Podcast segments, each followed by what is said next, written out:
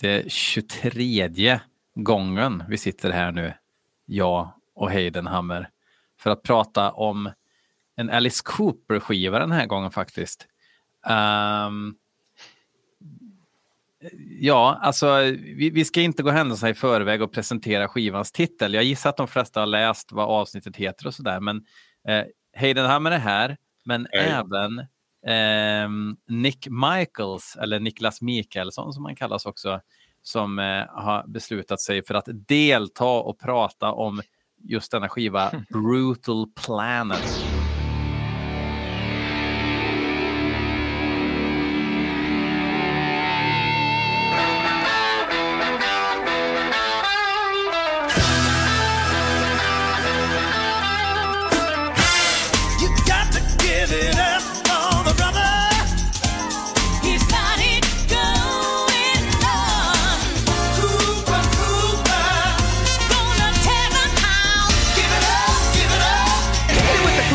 Break it down. Hej Niklas! Hej hej! Hej Niklas! Jag har ju faktiskt varit med i den andra eh, en gång förut. Just det, det var The Latina och Lover ja, du skulle presentera sydamerikansk ja. musik. I avsnitt 17. Åh oh, jäklar, ja, mm. ja det ser man. Eh, men nu är du här för att prata om eh, Alice Cooper och eh, om, om mitt minne inte sviker mig så var det så att när det var ganska tidigt när jag och Hayden hade dragit igång podden som du liksom från ingenstans sa att eh, jag skulle kunna vara med i Brutal Planet avsnittet. Och det är faktiskt ord jag aldrig hade trott att jag skulle höra någon säga alltså ivrigt på det där sättet. Det var väldigt kul. Ja, ja, jag vet inte hur många som annars har velat vara med i det här, men ja, just det, på den här skivan. Nej, alltså Brutal Planet, eh, klassikerna eh, har det ju funnits sådana som eh, är lite förargade mm. över att de inte kunde vara med, men just den här. vad, vad, säger du Hayden?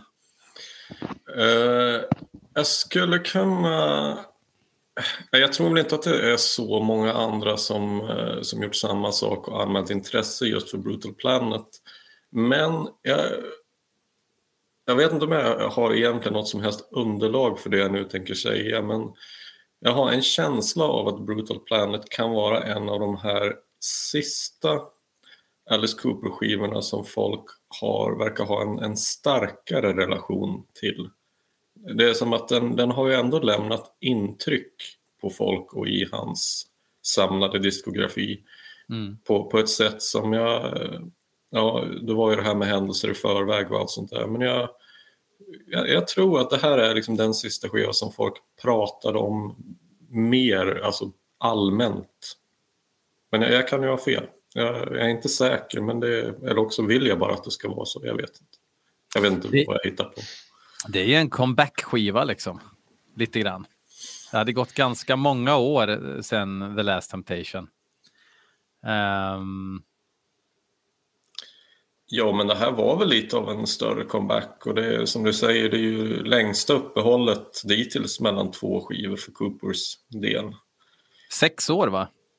Ja, det blir det ju. Mm. Och sen, ja vad fan, vi, jag menar vi pratar väl och kör liksom så här att Tänker jag. Att frå, alltså från och med den här skivan så verkar det ju också lite grann som att idén om hits eh, har ju nästan lagts på hyllan helt. Mm. Jag uh, har jag åtminstone alltid varit av, av uppfattningen. Kanske att det är väl några låtar som fick videor och sådär men eh, jag menar det är ju inte direkt Poison vi, vi hör längre eller så. Nej och jag menar det fick rockmusik hits överhuvudtaget runt den här tiden? Alltså nu pratar vi radiohits. Det var som vi var, var inne på lite grann i något, något annat sammanhang, kanske var med Tribal Inc-avsnitten i mm. Metal Podcast. Att, men det var, var en märklig tid. Jag, jag satt precis, eller för några veckor sedan satt jag och kollade på den här dokumentären om Woodstock 99. Och jag menar det, det som fick kallas för hårdrock då. Jag menar, det var ju ett ganska mörkt kapitel i musikhistorien. Ja, det finns ju den här eh, fruktansvärda, eh, fruktansvärt bra eh, dokumentären om just det fruktansvärda evenemanget Woodstock 99 och, och ta del av eh, på Netflix tror jag. Mm. Eh, kommer inte ihåg vad den heter nu. Nej, inte heller, men jag har också sett den. Det var typ tre delar eller någonting. Alltså, det, var, det var fan en rysare på riktigt alltså. Jag, jag ja, satt och mådde så dåligt över alla idrottskillar som hade rökt haschcigarett den helgen och, och betedde sig som as alltså. Um, ja. Men jag tänker att det, det, var ju att se lite grann av så att säga, spellistan för band där det var ju nästan lite av en who's who av typ rock, hårdare rock då. Och jag, ja, men det, det jag tyckte var så talande, ja, men Rage Against the Machine, det, Slipknot, Limp Bizkit, alltså det var ju en... Korn är att förglömma.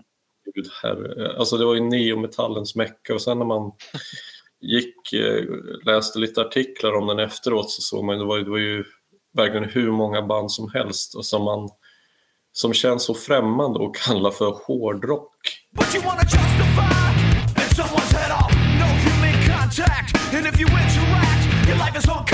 Mm. Idag. Om man säger mm. Alice Cooper, han hade ju inte platsat på den line-upen i alla fall. Nej, det hade han inte. Men sen så var det väl lite så här Sheryl Crow och sånt där spela också. Så det var ju, det var ju även liksom eh, Manhattan eh, singelmusik liksom också. På något vis. Alltså det var inte bara, det var ju inte bara Jolt Cola eh, idrottsmetal, utan det var ju även eh, Ja, men det var lite blandat ändå. Var det ju. Men just hårdrocksuppställningen var ju om detta ska vi berätta pamflettvarning på, helt klart. Folk visste inte bättre på den tiden, kommer man säga ja, men det blir väl lite grann att säga att 90-talets, eh, även man kan kalla alternativ metal-scen, hade ju börjat ebba ut. Eh, alltså jag tänker om vi, vi, har ju pratat om några tidigare, också i tidigare sammanhang om eh, krisen där för klassisk hårdrock, att Maiden och Judas Priest är lite grann nere för räkning. Och, så här, av en slump så hittade jag min gamla biljett till, till ACDC 96 på Globen och såg att den kostade då 230 kronor. Alltså det var inte ett rakethögt pris då. Nej. Och,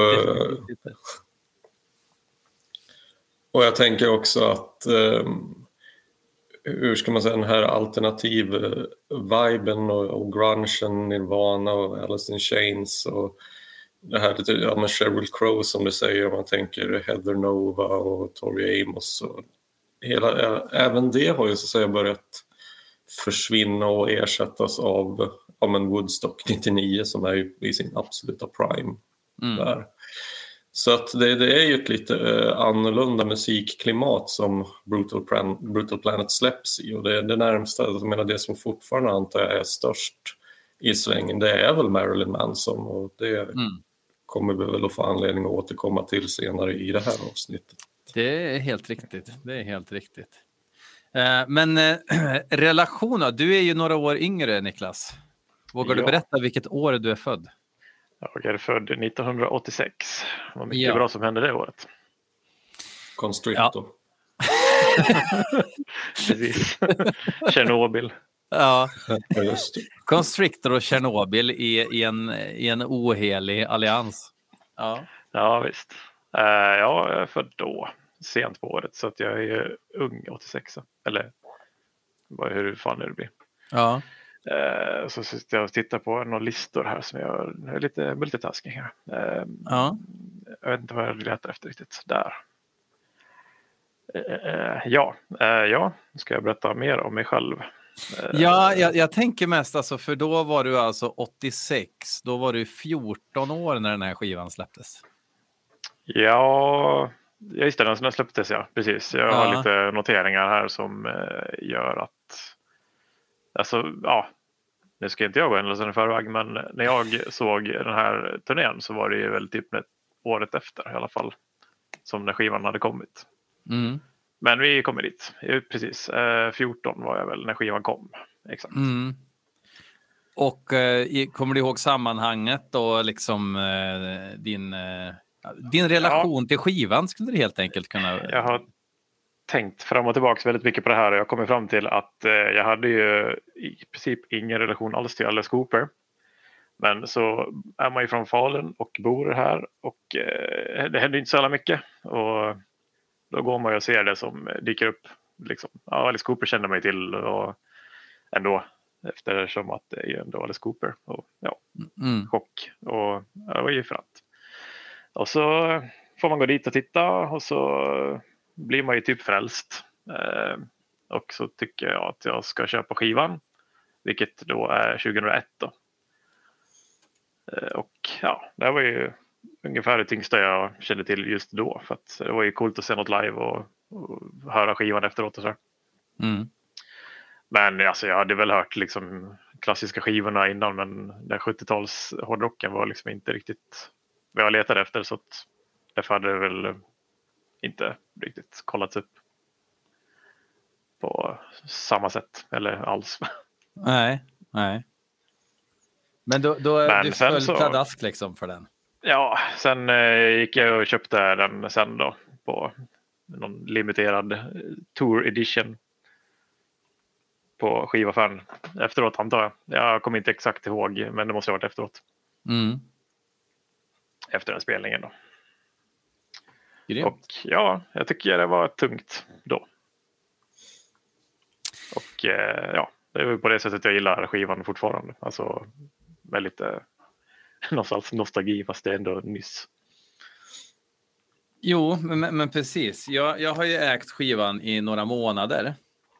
Mm. För jag kan säga att när 1999 eh, eller 2000 till och med då var ju jag liksom helt borta i death metal och, och black metal. Alltså det var typ bland de få grejerna jag lyssnade på runt den här perioden och jag hörde talas om den här skivan. Jag såg hur skivan såg ut och jag förstod, tänkte jag, hur den lät.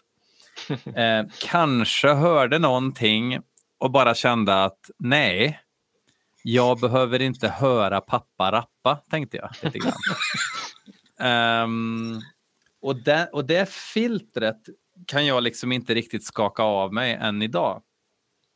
Uh, men jag, jag kollade inte upp den och har väl i ärlighetens namn inte haft jättestort behov av att kolla upp den eh, senare heller förrän det här liksom stora Alice Cooper-intresset har väckts till liv eh, genom den här podden i princip.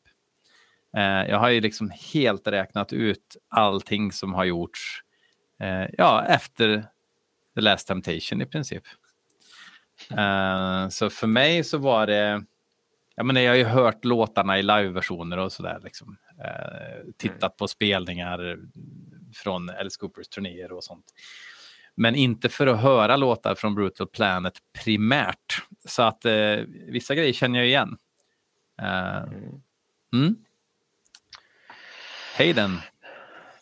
Ja, nej, men jag, jag, har ett ganska varm, jag har en ganska varm relation till, till den här skivan. Och jag gjorde som Niklas, att jag var och såg Alice på samma turné 2001. Eh, men det är här som min minnesbild är lite grumlig.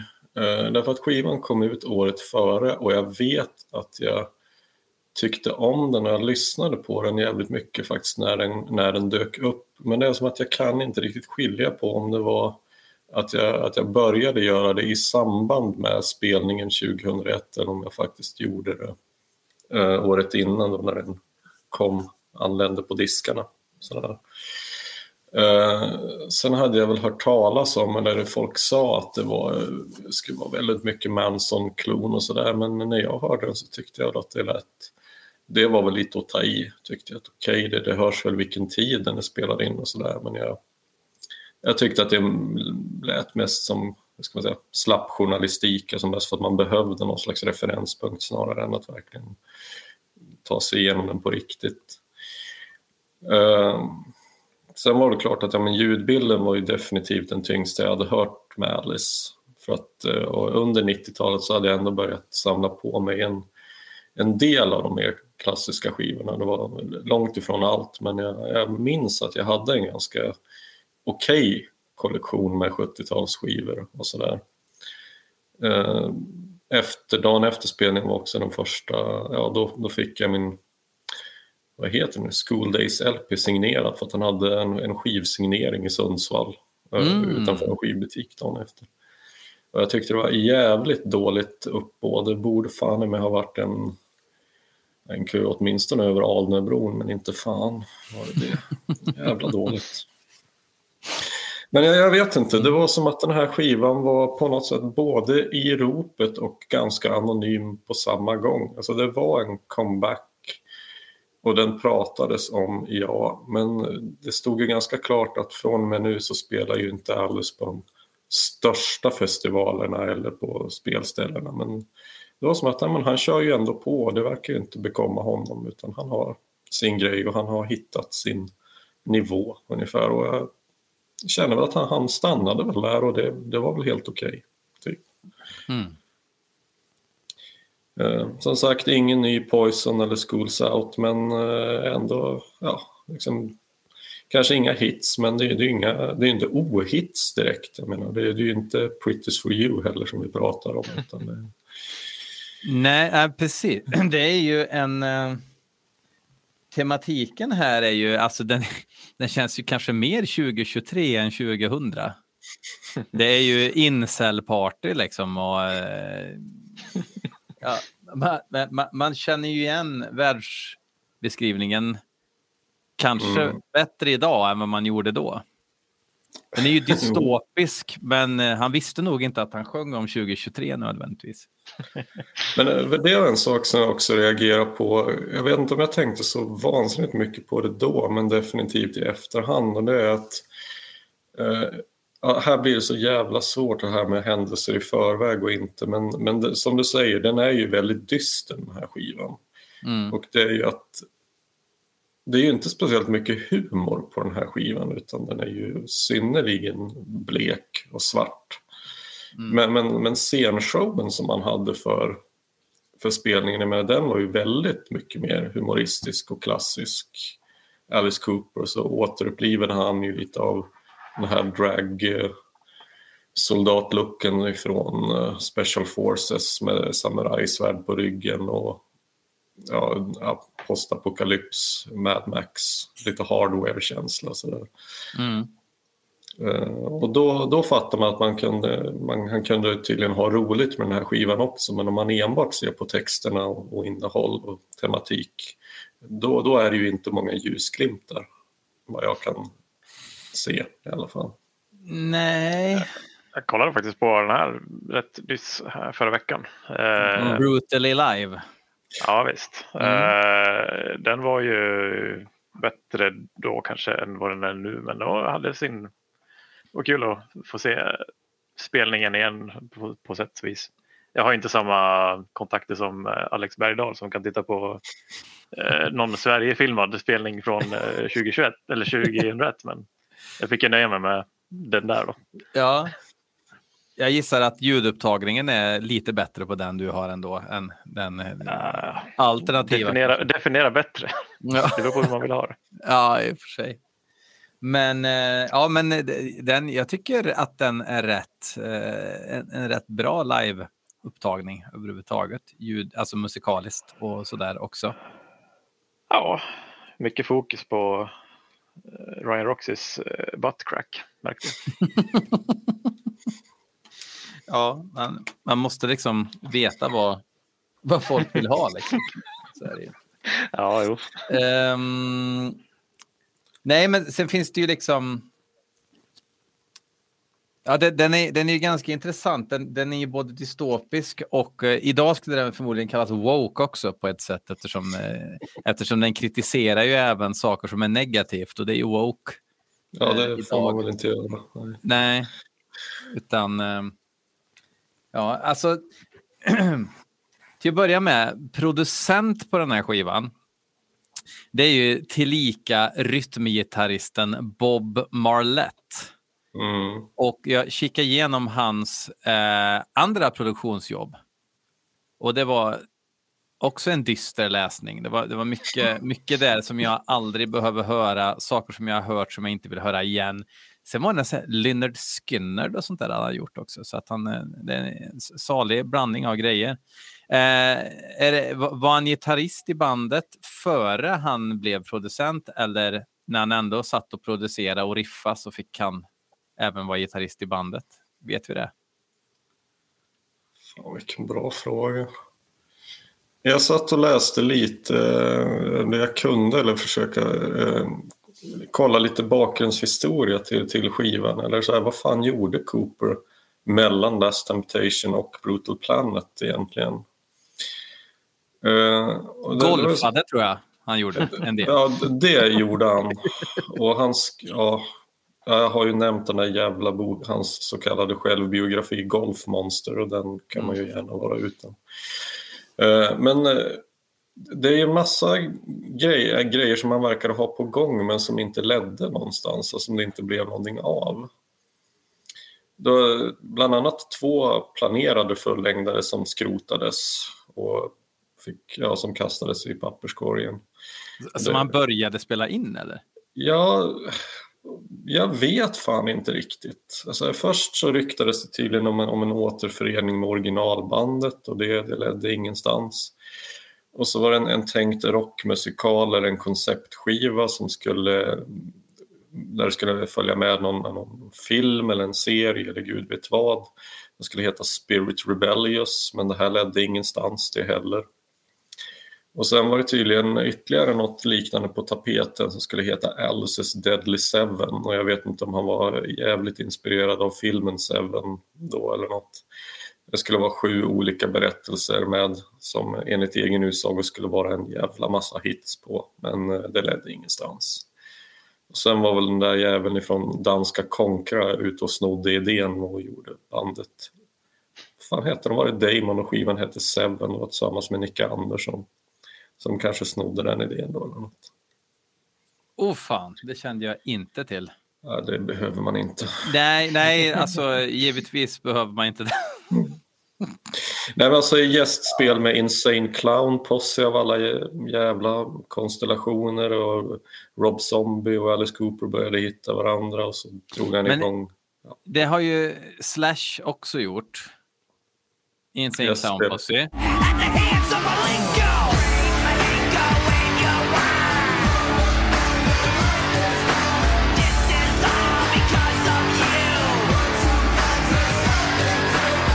Och det finns, det finns kopplingar till Guns N' Roses-gänget eh, här också. Det är väl... Om det är Ryan Roxy också, ja, och keyboardisten eh, som har spelat med både Gilby Clark och Slash på deras egna band och eh, soloband och sådär. Det verkar vara liksom som att Alice inte riktigt har kunnat släppt Guns N' Roses-gänget. Mm. De hänger väl med samma folk, gissar jag. Mm. Typ. Kanske. Uh, jo, hur, kom, hur kom vi in på det förresten? Du sa ja, vad, vad, jag tänkte se vad som ledde upp så att säga till, till skivan, någon slags bakgrundshistorik. Mm, ja, just det.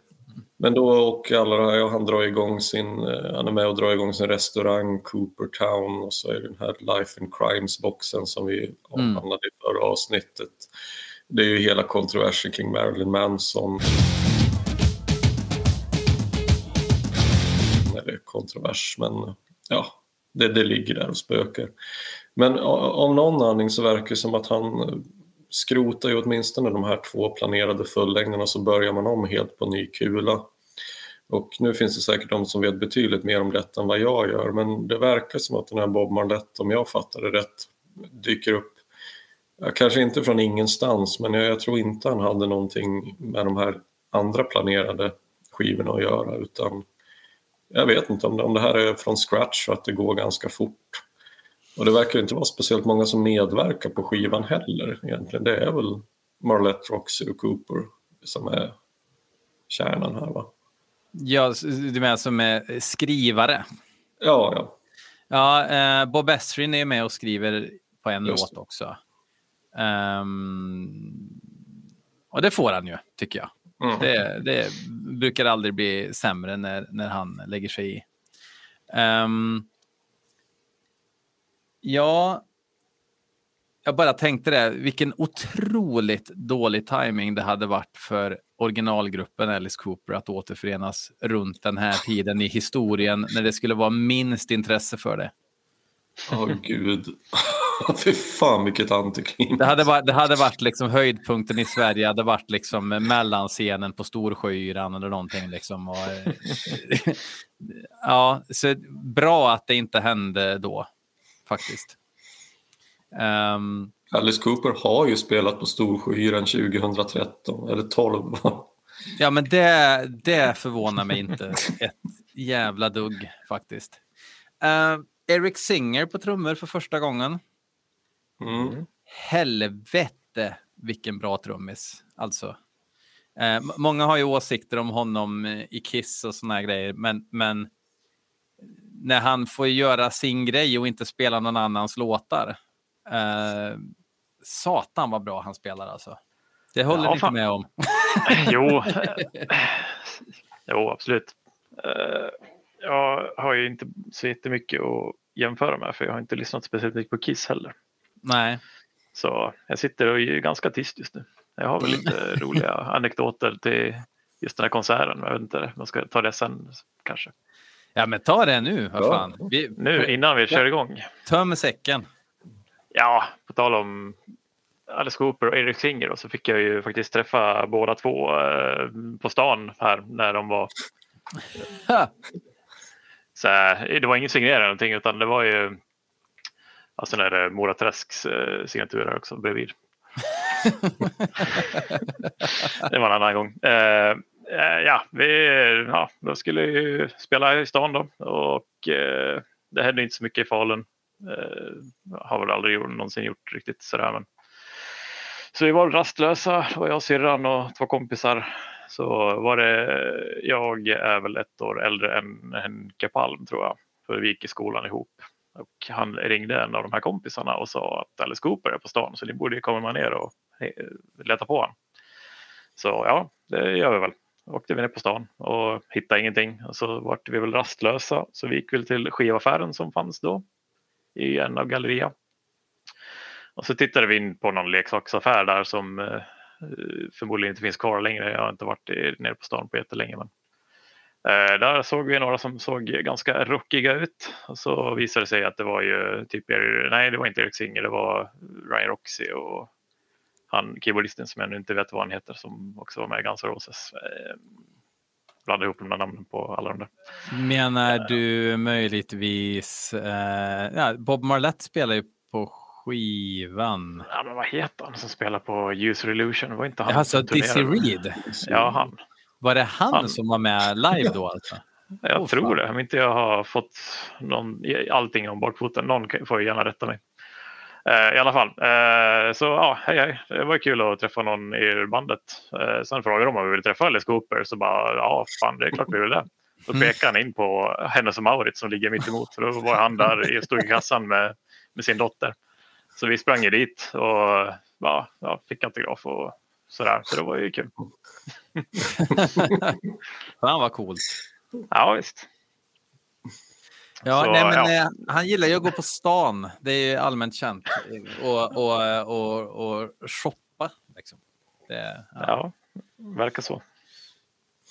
Ja, grymt. Ja, sen senare så eh, en som var med, han är ju stort Kiss-fan då, som bandet alltså, inte drycken. Eh, så han visste ju att eh, Erik Singer var ju någonstans i krokarna. Så vi gjorde väl så att vi hängde väl utanför något hotell och där råkade de vara och skulle åka transfer och så fick han ju signera också sen. Så ja, så var det med det. Fan vad grymt. Ja, jag brukar inte göra sånt här i vanliga fall, men när man är 14-15 så då är det väl lite mer okej. Okay. Ja, ja man, man, kanske inte jagar folk längre. Jag gjorde ju samma sak, inte lika credit, men, men jag cyklade efter Toto en gång. 1995 tror jag. Eh, när de spelade i Mariebergsskogen i Karlstad. Men då fick vi snacka eh, trummor med Simon Phillips och grejer. Och det, ja, ja, det är inte fiskam. Lätt värt.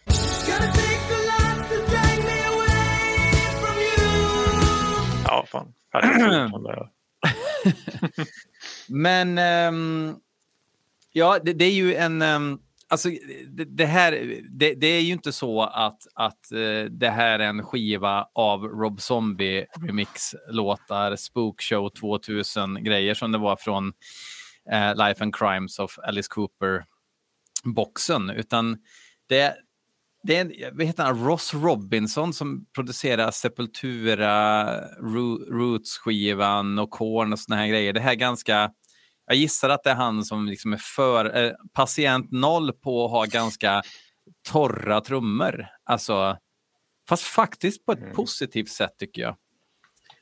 Det är liksom inte datapata industritrummor utan det är ett väldigt akustiskt trumljud. Liksom. Jag skrev jag... någon kommentar om det där också någonstans. Mm. Att det, var, det är liksom fett men ändå inte. Nej, precis. På något vis. Jag vet inte vad jag ska förklara riktigt. Det är liksom tomma kalorier. E... Tomma kalorier, ja. ja. det är liksom EQn som är fet, men, men det är liksom det är inte blaffiga trummor liksom, utan det är ganska, Nej, ganska kontrollerat eh, rattat trumljud. Som jag tycker det kunde varit betydligt värre, tänker jag. Men alltså ljudet är väl ändå bra på den här skivan? Ja, alltså det är ju, det är ju superproffsigt och, och allting. Men, men man ska se rent till smak så, så har jag ingenting emot det här trumljudet. Och det är... Mm. Det spelar ju också roll vem som sitter bakom hinkarna och eh, han gör ju det med eh, På min ära. Ja, det, det håller jag helt med om. Nej, men anledningen till att, att jag var tyst förut är att jag, jag säger som Niklas, att jag har jag har inte heller så jättemycket att jämföra med men jag har alltid tyckt att insatsen som man gör här den är ju långt över godkänd. Det är, det är bra.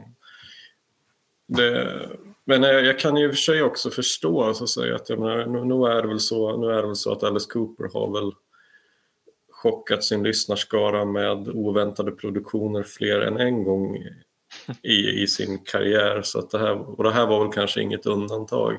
Jag kan ju förstå dock att en del tyckte att det här kanske inte var så jävla lyckat därför att det ligger, det ligger ju väldigt långt ifrån hans tidigare grejer och då, jag menar, det är ju inte ens Razor Fist Gel kommer ju i närheten av tyngden på den här Nej. skivan. Så är det ju. Men det är ju ändå också som vanligt eh, Alice röst mm. och melodispråk som på något vis gör att, alltså det är ju få skivor jag skulle lyssna på från perm till perm som har den här utgångspunkten alltså. uh, det är ju på grund av Alice Cooper som jag, som jag tar mig igenom det här och försöker hitta russinen i kakan. Liksom. Det där är världens konstigaste uttryck för övrigt ja, det är ju det är russinen man, ja, det är russinen man petar bort. Ja. ja. Ja, jag, jag, jag, tänkte verkligen att det inte skulle tolkas bokstavligt, men nu, där gick jag bet. Uh, men men uh, den här skivan har så mycket som, uh, som inte jag tycker om. Liksom. Det är de här riff och det är um, de här riff, inter, alltså rockintervallriffen som oftast är extremt eh, idéfattiga tycker jag. Och det är väl någon drop D-stämning på gitarrerna. Man, man, man, jag ser framför mig liksom någon sån här kille i bandana och Statoil-solglasögon som, som krabbgår och spelar de här gitarrerna många gånger. Och, det, och jag, jag bara känner We are not the same, känner jag. Beskrev uh, du det nyss Mantas på Venom-inspelningen?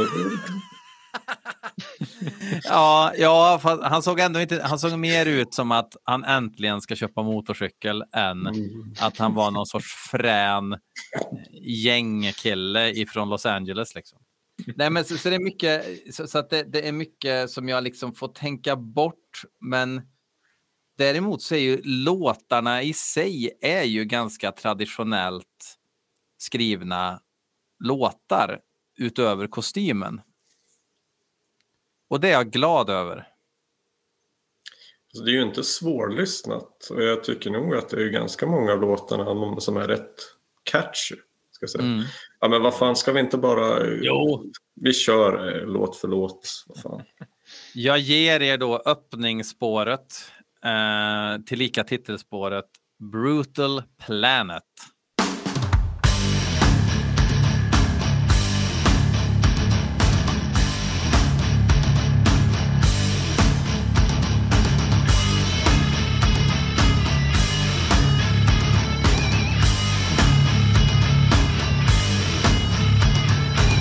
We're spinning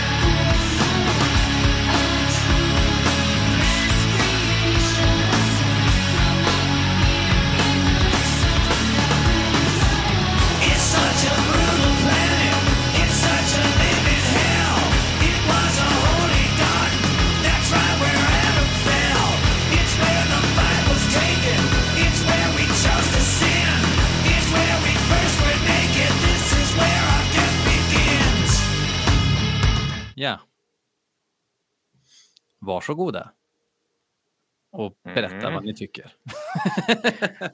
Jag har gjort lite försök till noteringar på varje låt här. Så typ Mm. bara skrivit tung i början, bra låt. Inte övertygad om kören. Eller mitt minne av den här låten. Jag eh, kan ju ingenting om så här, musikvetenskap eller någonting så jag lyssnar ju bara på typ, ja jag spelar ju trummor så jag lyssnar ju mest på trummorna. Mm. Mest.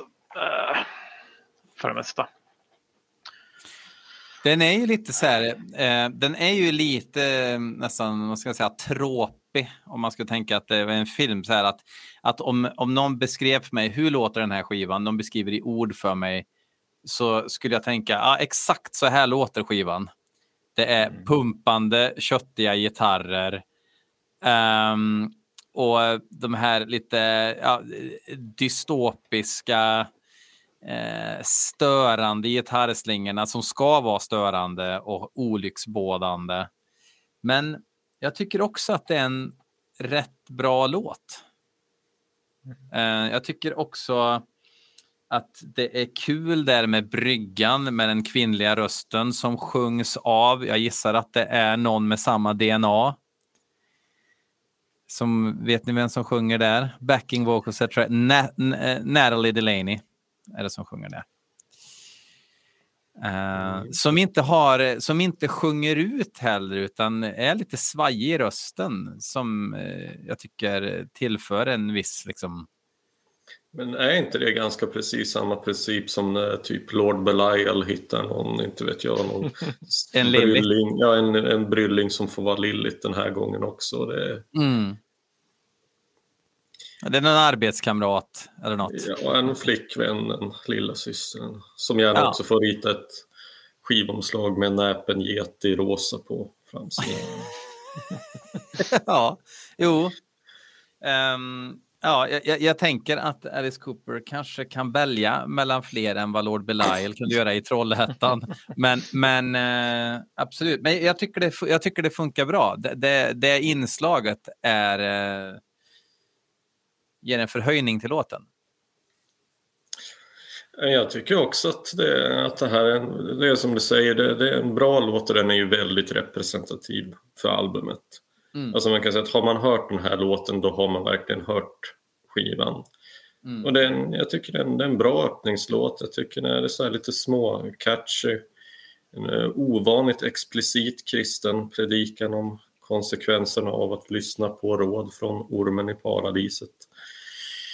Eh, blir kanske lite mycket i längden men alltså jag har märkt att eh, nu när jag har lyssnat flera gånger om på den här skivan innan kvällens avsnitt så har jag ändrat uppfattning om både skivan och låten flera gånger om från fram och tillbaka. Jag känner att jag har liksom svängt som en pendel lite grann fram och tillbaka. Och det är så, jag kan bara konstatera att ibland så tycker jag att allting verkligen synkar skitbra och att allting flyter ihop och det blir en väldans bra helhet. Och andra gånger så tycker jag att det blir lite för mycket och det känns lite forcerat, lite utstuderat, lite tidstypiskt. Mm. Så ja, jag vet inte om det, om det är humör eller dagsform eller vad, vad det är som avgör. Jag känner igen det där. För, ja, ja, jag känner ja. också igen det där lite grann. Med, jag har också lyssnat igenom det några gånger nu eh, senaste tiden och eh, wow. Ena dagen är den fan riktigt bra, andra dagen är det liksom, var den så bra? Mm. Men och just det där, ja men liksom ska pappa rappa verkligen? Men han har ju rätt bra flow. Ja. Nu när du själv är pappa då Björn. nej, jag ska inte rappa. Uh, nej, nej, men um, det är ju liksom han här, här, uh, så här. Jag tror att det jag säger är vettigt nu. Så här mycket har han väl inte riktigt anammat en genre fullt ut förut.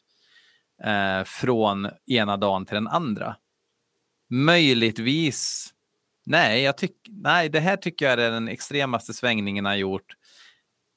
Han har ju liksom hela tiden ändå haft foten kvar i något annat när han har gjort nya grejer, när han har bytt stil. Fast men den här fashion var väl ändå rätt radikalt avbrott ifrån... Jo, den var radikal, men den var ju inte bara Devo. Liksom. Mm. Det var ju även låtar eh, Pain till exempel och mm. I'm your pain. Alltså, han hade en fot kvar i någonting eh, äldre. Men, men det att, har han inte här. Men är det, är det ett helt... Tycker du att det, är, alltså att det är ett sånt avbrott ifrån Last Temptation? För det vet jag fan inte om jag själv tycker faktiskt. Nej, ja, det, tyvärr tycker vi olika. Det är trist att man gör det. uh, jag, jag, tycker att det är ett ganska stort kliv faktiskt. Uh, men sen texten också tänkte jag på att liksom första gången när jag lyssnade på den så kände jag, ja nu, nu som du säger, nu, nu går predikantsvadan rätt hårt här, men samtidigt också så det är någonting, jag kommer inte ihåg, det är någon mening som gör liksom som att som, som eh, gör att jag känner att han inte riktigt berömmer dem som följer Gud heller. Vad fan var det för mening? Det är, det är någon mening som, som är, gör, gör det till en lite mer förmildrande omständighet ändå. Ja, men jag, jag, förstår vad du menar. Att det, det verkar inte gå så jävla bra för någon. Nej, alltså... precis. Och, och, han kanske, alltså, nu bara snackar jag kanske skit här, men jag får känslan av att de, det finns ju folk som följer Gud och de sköter sig heller inte. Liksom. Alltså någon sån vibb får jag. Um... Alltså det, är ju en, det är ju svartsynt, alltså det är en blek text om det dåliga tillståndet på jorden. Och det, nej, alltså det hörs ju inte så mycket om någon slags eh, räddning eller frälsning eller sådär, utan det, det, är väl mer en beskrivning av att här har världen gått åt helvete, men det, we took, our, took advice from the deceiving snake. Don't worry, it's a piece of case. Vilket jävla rim för övrigt. Mm. Men, är, eh, är det piece of cake? va? Ja, det är Snake, sna snake och cake? Mm. Ja, men det är väl ett okej okay rim? Ja, jo, det finns. Jag lyssnar på den här, svensk hårdrock. Där är en låt av Reptile Smile. Det är ungefär samma. ja. Wicked Young Man. Cold blue swastika tattooed on my skin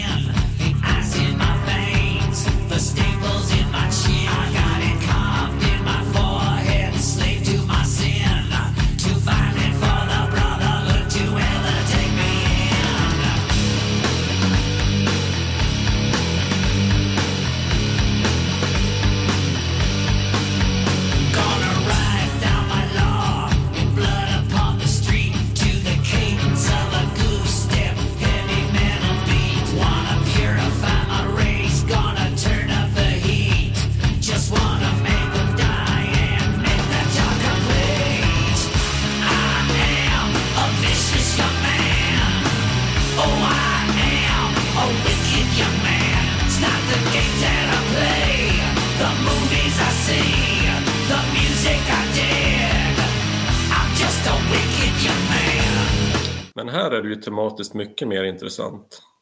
Mm. Man kan säga det är en skildring av en våldsam nazist och potentiell skolskjutare vars ursprung till hatet lämnas egentligen helt obesvarat. Alltså att han, han är som han är men ingen kan egentligen säga varför. Nej. Det tycker jag är faktiskt en rätt ja, men en intressant vinkel. Och det handlar ju definitivt, definitivt inte om musiken han lyssnar på. Nej, det, det sägs. Nej, och ja, inte filmerna nej, han ser på nej. heller. Sen är det lite grann så här, nu kommer pappa rappa fram igen med The Music I Dig. Liksom det låter som, ja, är det Chuck Berry som sjunger nu eller är det, eller är det Marilyn Manson? Liksom? Där, där missar han lite med lingot känner jag. Men ja, eh, refrängen är, den är okej. Okay. Alltså, Jag har skrivit att den är halvpoppig. Ingen, inte jätteövertygad men ja, rätt schysst låt i alla fall. Ja, det, det är, det, han kommer lite för enkelt undan med refrängen tycker jag. Liksom att Mm. ja, den här refrängen duger. Ja. Jag kanske är ensam, men jag, jag, jag gillar nog ändå den här låten och det är en av dem som... Så det, det är verkligen inte så vansinnigt ofta jag lyssnar på den här skivan, men det här är en av de låtarna som jag minns från den, alltså som ändå satte sig starkast. Men eh, ja, alltså den är ju, jag tycker den är rätt svängig, den är cynisk, det är en rätt välskriven låt, men det är som en bra 3 av 5-låt, men ganska bra, alltså med en rätt bra text. Mm. Men, men jag tycker det är nästan lite... Det är det som är den här skivans... Vi ska säga, det, det är sällan låtarna kommer så mycket högre än så utan att gå händelser i förväg. Att det, det är väl en bra standard liksom. Mm. Ja, jo det är det absolut. Ja, men det är ingen katastroflåt, men det är liksom, jag tror att låten kunde ha varit... för Som, som sagt, texten är ju rätt brutal liksom i sin, Mm. i sin kalla, kalla liksom, eh, ja men, incel school shooter-värld liksom. Ehm, jag tycker det är lite synd att refrängen är lite för enkel på något vis. Han hade gärna fått brodera ut lite där på något sätt. Jag håller med om det, att jag hade gärna... Ja, men även låten före, alltså Brutal Planet och den här. Och, för, ja, det är väl just precis det, så jag tror du sätter ganska mycket huvudet på spiken här. Alltså att det hade kunnat vara mer. Det hade kunnat Mm. vara mer finurliga texter, det hade kunnat vara ännu mer underfundighet. Och det hade kunnat vara mer utbroderade låtar också rent musikaliskt. Alltså, grunden finns där, den är stabil och den är bra, men Mm. det hade behövts lite fler detaljer för att få fyrverkerierna att spraka. Hur fan man ska tycka. Men det är ju baksidan också när man pumpar e på gitarrerna hela tiden och såna grejer. Liksom att du har inte så jäkla mycket harmonier att jobba med heller. Ja, men det är därför man droppar till D. Då har man två. Ja, i och för sig. Men det är mycket det.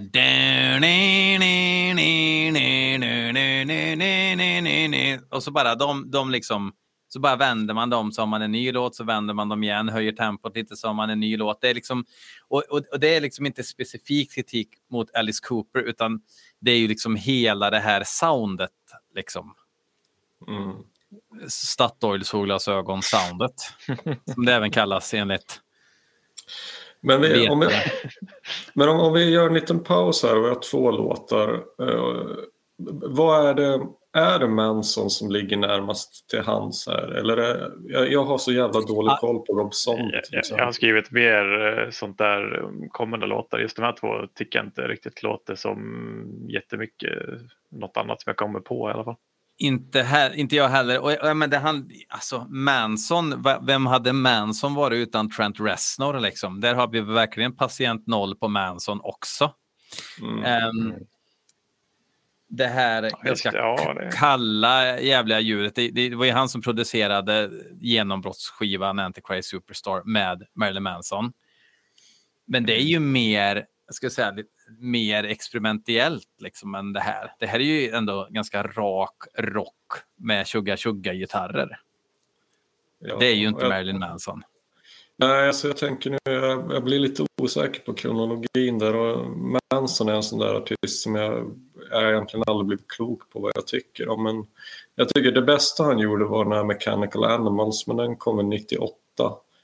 Och där är det ju väldigt mycket mer traditionell poprock fast med sånt här tungt fett ljud. Fast med väldigt poppiga mm. refränger och melodier och sådär. Så jag, jag, mm. vet inte hur mycket det är som har färgat av sig. Sådär. Men, men, men, det låter ju inte hemskt det här. Alltså, men det, det här det, det, här hade ju kunnat låta Nej. helt fruktansvärt ärligt talat. Ja, ja, ja, ja, ja. Och för, och för jag menar, på papper låter det ju fruktansvärt också.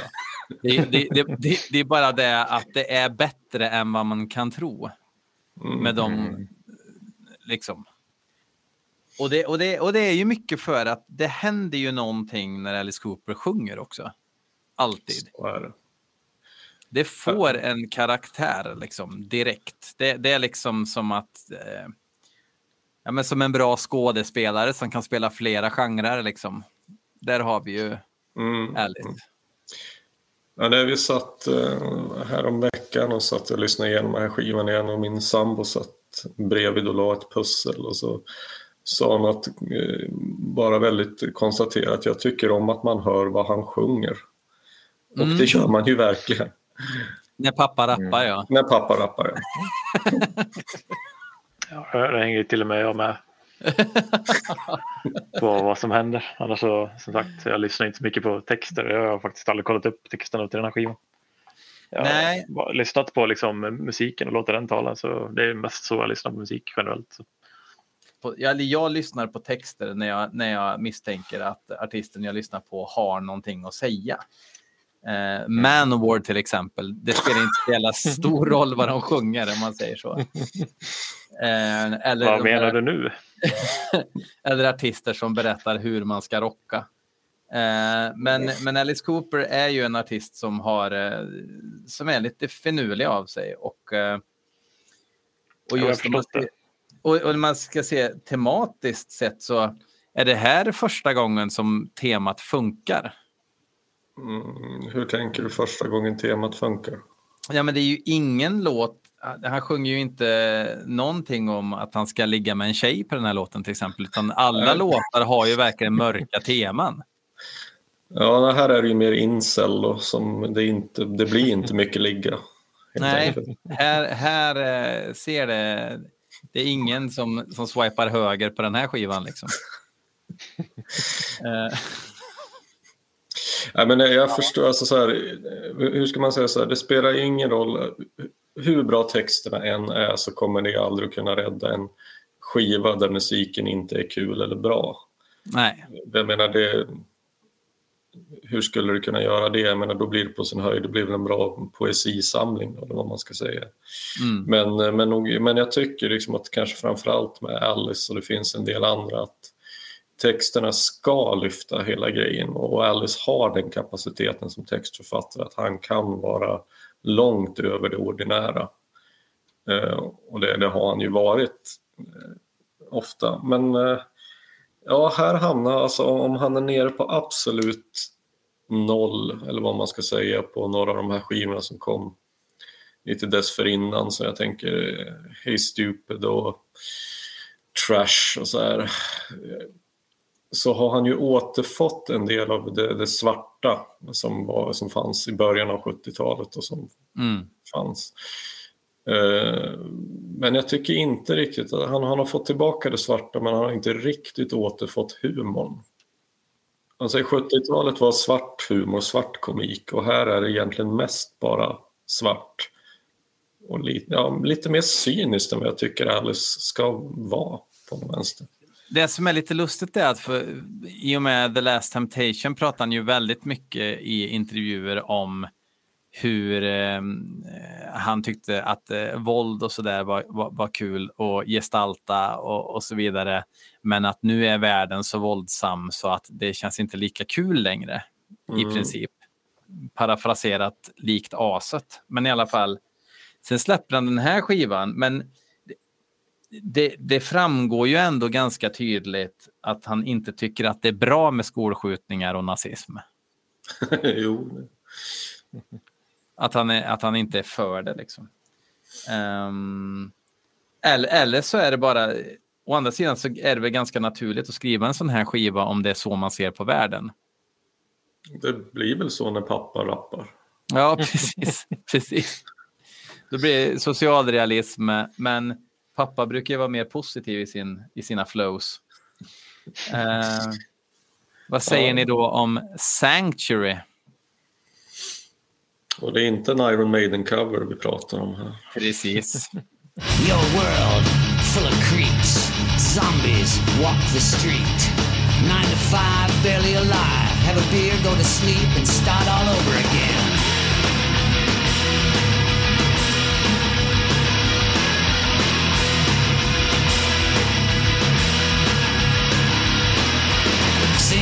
Suit, same brown shoes, same headache, same pills. He goes home, thinks about suicide. But he's got his diploma, you gotta give him that. I got a radical place, got my own private space.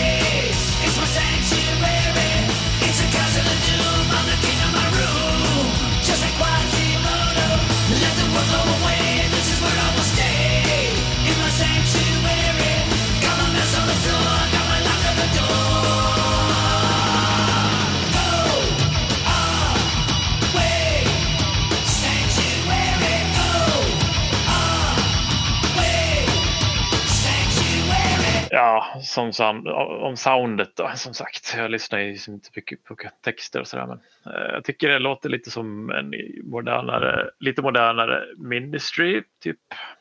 Mm. Det skulle kunna varit på Rio Grande Blood eller Animosity Somina eller någonting. Inte mycket på sången, men möjligtvis med en ironisk redneck-dialekt. Lite dist på refrängen bara så har jag mm. skrivit. uh, och ja, det är väl återigen lite modernare sound och det har vi tagit upp och det är väl ingen hemlighet så att ja, jag tycker det är ganska schysst. Intressant med Ministry, hade inte tänkt på det alls, men nog fan kan man höra Ministry i den här låten. Mm. Ja, det slog mig typ för, förra lyssningen bara, vänta fan det här, det är någonting som låter bekant. Det är och Ministry är också någonting som jag lyssnar ganska mycket på ibland. Mm får ja. mig ju tänka på också. Jag menar, ett annat band som har seglat upp och blivit ganska jävla stora under tiden här det är ju Rammstein. Mm. Om man tänker när du säger Ministry så är deras låt Links ifrån Motter kom i 2001. Mm, det.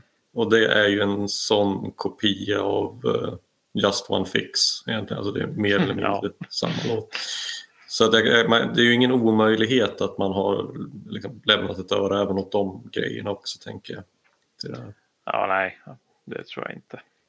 Man gillar ju, alltså den här refrängen kommer ju från ingenstans alltså. Eh, ifrån det här, eh, alltså jag älskar ju verkligen hans röst när han snackar så här. Han, han låter ju så jävla, eh, alltså, han, han har någon sorts, vad ska, vintage okultaktig röst på något vis, röstläge. Det är precis så här vid knorrläget på rösten på något vis. Eh, när han säger de här grejerna på ett jävligt avslappnat sätt och grejerna han säger är ju dystra. eh, han ser på sitt eget liv och eh, har väl inte så höga tankar om det. Och sen kommer den här ganska punkiga refrängen är det ju ändå. Mm. Um, som är rätt bra refräng faktiskt. Jag har skrivit det, jag tycker det här var en av de låtarna som jag inte alls kom ihåg eh, eller som jag glömmer bort mellan lyssningarna. Men det är en lustig blandning mellan eh, Green Day, poppunk eller college mm. rock och industrimetal mm. med en text om en självmordsbenägen arbetare. Eh, fastnar kanske inte så, där, inte så mycket av en längre stund men den, den funkar bra i sammanhanget. Och det, det, är väl dags att om man ser på skivan, hur ska jag säga, kompositionen av hela skivan med låtordning och så här så är det ju dags att skruva upp tempot lite grann. Så att, ja. Mm. Och ha någon liten peppigare låt också till omklädningsrummet innan hockeymatchen. ja, men den ligger, ja, precis. Den, den ligger väl bra där den, där den gör. Men för mig blir nog det här lite av en, ja, inte en fillelåt, men den eh, försvinner lite grann. Den blir ganska anonym tycker jag. Men inte dålig för den sakens skull bara. Men eh, ja, då hoppar vi väl till Blow Me A Kiss. En liten låt om fördomar och hur tokigt det kan bli.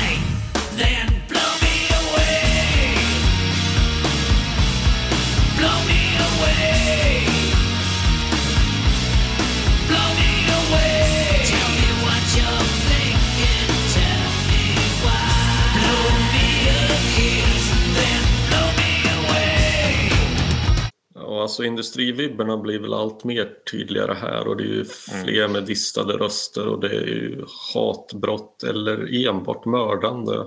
Sådär. Och jag vill minnas i någon intervju att han har sagt att just den här låten ska handla lite grann om just han säger att, eh, nu tar jag det här direkt taget ifrån Thompsons bok där om Alice, Welcome to my nightmare.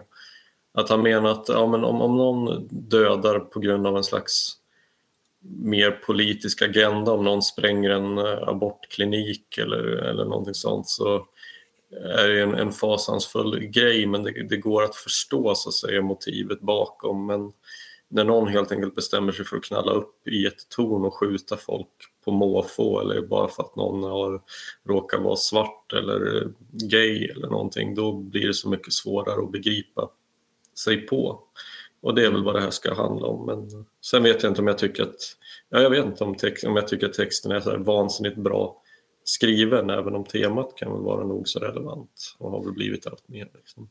Jag, jag förstår inte riktigt det här blow me a kiss cause I'm black, blow me a kiss cause I'm gay och det Alltså här. kiss är ju skjuta någon eller slå på, alltså Ah, Okej, nu förstår jag texten helt plötsligt.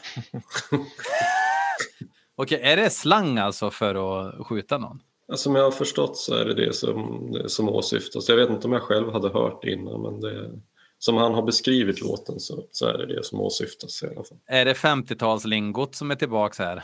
Igen? Ja, du vet. nu rappar pappa igen. Ja. Ehm, vad säger Niklas då? Ja, jag har inte skrivit så mycket om just den här. Jag har typ skrivit mes, me, me, musikaliskt mer Rob Zombie än Marilyn Manson. Men eh, det säger väl kanske inte så jävla mycket. nej, nej, det är ju ingen tävling, men, men det är Nej, ju... precis. Nå, Nej, jag vet inte. Det, det, det är väl ingen favoritlåt kanske här, men eh, det kanske jag har sagt om alla låtar förvisso. Så kanske, jag kanske inte gillar den här skivan så mycket, men jo då. Eh, just den här är väl kanske sådär eh, kul. Eh, Ja, det händer ju någonting med gitarrerna där ändå, liksom med någon sorts melankoliskt ja. rockriffande sådär som gör att den, att den får en egen identitet på skivan ändå. Jag har Ehm, tänkt på, nu vet jag inte vilken låt det var, men jag skrev inte ner det heller, men det finns ju liksom det här som eh, i Black Hole Sun, den gitarren liksom Mm. finns det ju rätt mycket av, kanske var i den här låten. Eller så är det någon eh, annan. Ja, det tror jag är Pessimistic som vi kommer. Nu Ja, gick vi händelserna i förväg. Ja, det fick jag också Jävlar. göra. Det fick jag också göra. Äntligen, som jag har väntat. Ja, men då tar vi Ja. den då. Ja, det, det, det gör vi. Nej, men... ehm, Eh, nej, men jag har inte så mycket att säga om den här låten. Det ja. Blow me kiss, ja. Ja. nej, ja. Den är där. Ja, nej, men det är så. Jag har heller inte gjort speciellt många stödanteckningar. Jag, tycker att mellanpartiet lyfter låten en aning. Sådär. Men ingen dålig låt, men också hamnar väl också, hamnar väl också lite grann i, i skymundan. Då är det dags för, mina damer och herrar, Eat some more.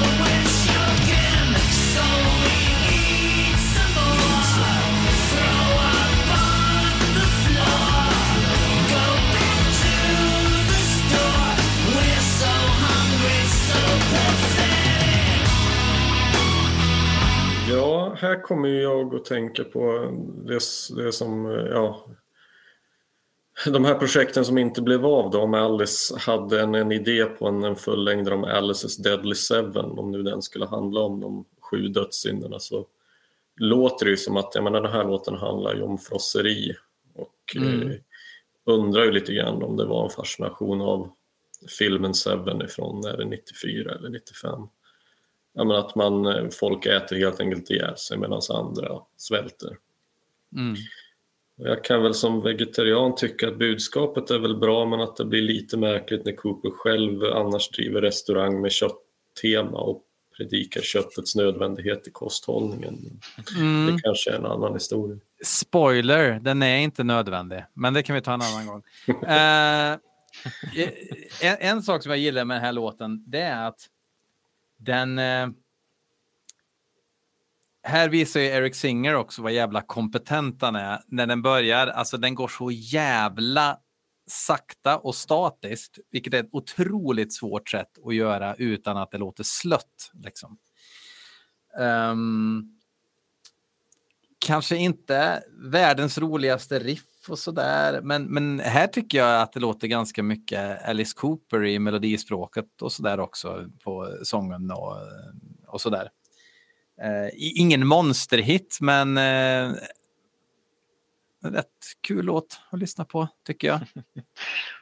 Jag har skrivit Ministry Filth Pig Light.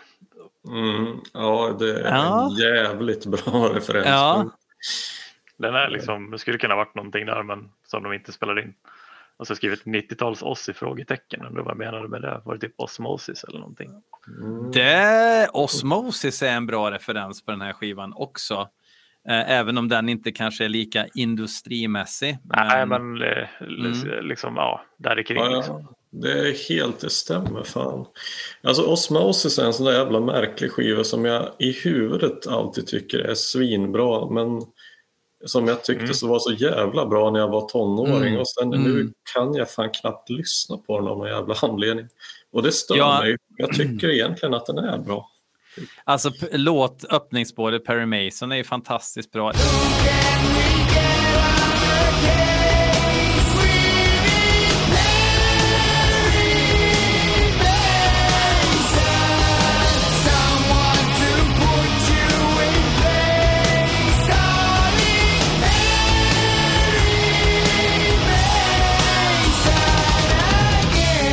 Finns många, alltså och där är ju en, låt, en skiva med väldigt många olika sorters låtar på också.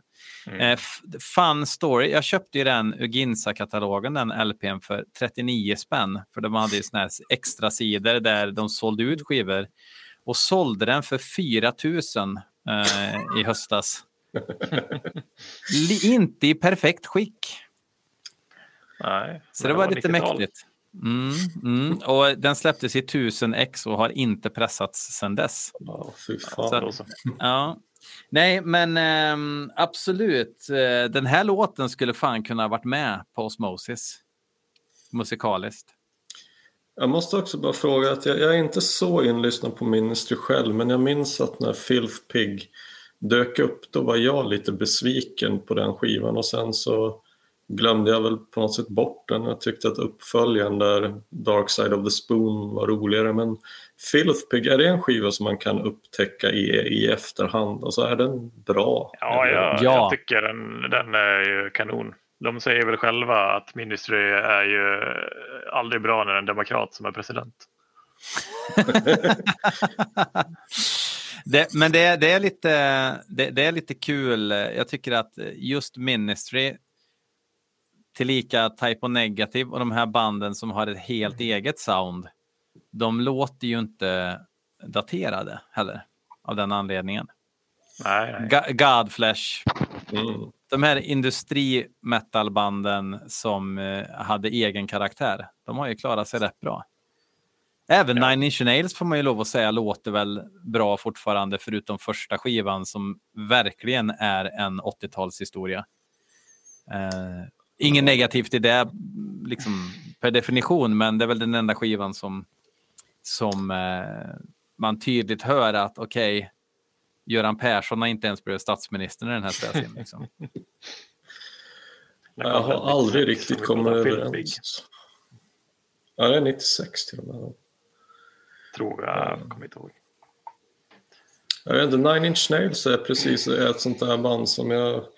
Jag vet inte, det är för skraltigt tycker jag för att vara bra rock och det är lite för mjukt för att vara bra metal. Så att för mig, fast, jag fattar grejen, alltså att det, det är säkert skitbra för att vara, men för mig har de alltid hamnat mellan två stolar istället för att bli en bra symbios. Jag har blivit indoktrinerad med Nine Inch Nails eh, i, av eh, ett ex som hade det som favoritband. Och eh, till slut så, så måste man ju liksom lyssna efter det man tycker är bra. Och då finns det bra grejer, helt klart. Ehm, nu ska vi se. Eat some more kom vi överens om att den eh, inte är en supertokig låt. I alla fall. Men kanske ingen ryggtavletatuering på den heller. Lite pinsamt att står eat some more på ryggen i och för sig. Men Ja, I svanken. Det var ju fan skitbra. speciellt när det är det sista man behöver. Ehm, pick up the bones. Collecting pieces of my family in an old pillowcase. This one has a skull, but it don't have a face. These look like the arms of my father, so strong. The ring on this finger means my grandmother's gone.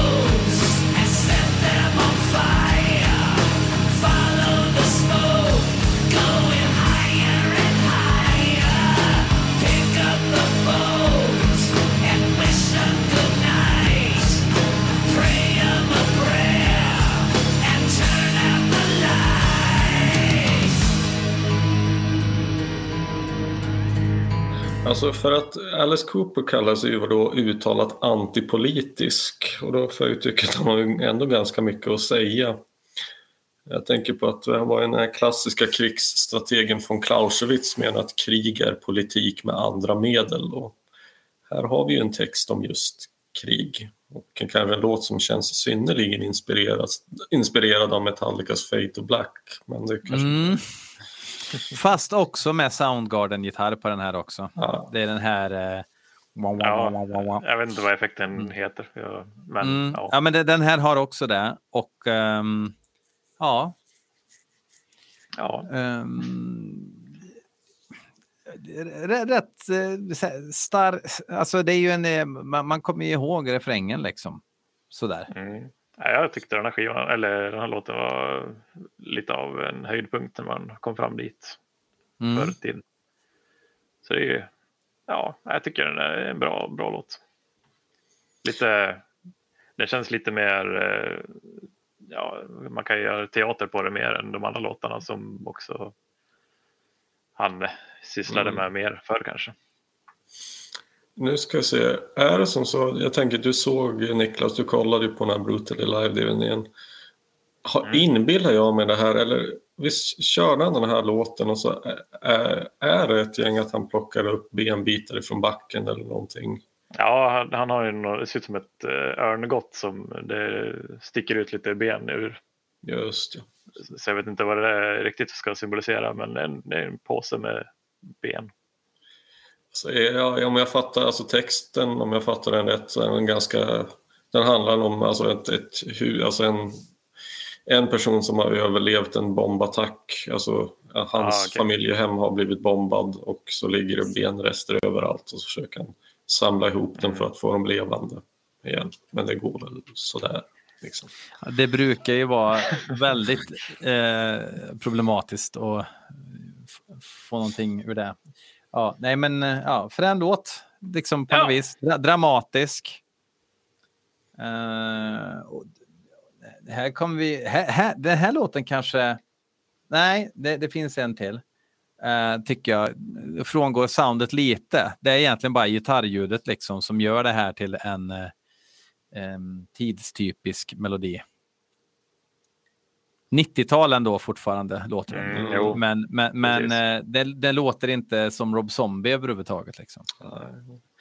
Men eh, bara en reflektion när vi har kommit så här långt in på skivan. Att jag tycker det känns lite grann när man, när man lyssnar igenom den här skivan, det är som att gå lite på en, inte vet jag, någon, någon klassåterträff eller någonting. Alltså man, man träffar, jaha, där var du igen, och det, där minns man ju, hej hej, eh, kul att ses. Och sen så går man egentligen bara vidare utan att fördjupa sig närmare.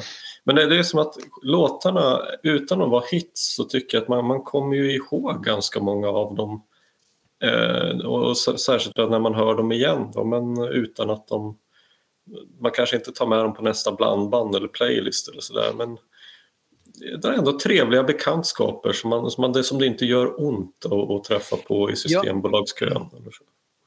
Det är ju inget det är ju inget superlåg vattenmärke på skivan som vi nästan har haft på någon som tyckt på varje skiva känns det som. En sån här låt som... Är vi inne på pessimistic nu förresten? Eller Nej, är vi? det- Är vi fortfarande på Pickup Levant? Ja, precis. Vi, vi, vi, nu gick du händelserna i förväg igen. Du är Ja. den enda som har gjort det två gånger i den här serien. Yes, Så att nu, är- nu är det fan three strikes, you're out. jävlar. Ja, Då nej, men, backar vi eh, lite här då. Nej, det var liksom en allmän reflektion bara sådär. Och det, det, det är sant liksom att de de, eh, de, de, eh, kör på de här låtarna på något vis. Och, eh, ja, just det, den här ja. ja just det. Ja, ja, det Jag tror fan jag hade den här på ett blandband faktiskt. Ja. Där sprack Ja. min teori. Mm. Jag, ja, jag tror den här var med för det var ju en av favoriterna faktiskt. Mm. Coolt. Men då Ja. kör vi väl Pessimistic då?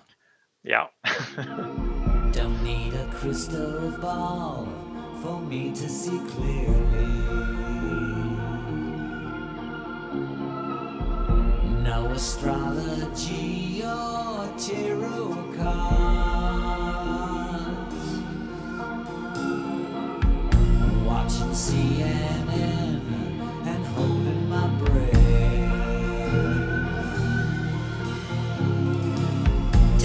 the daily news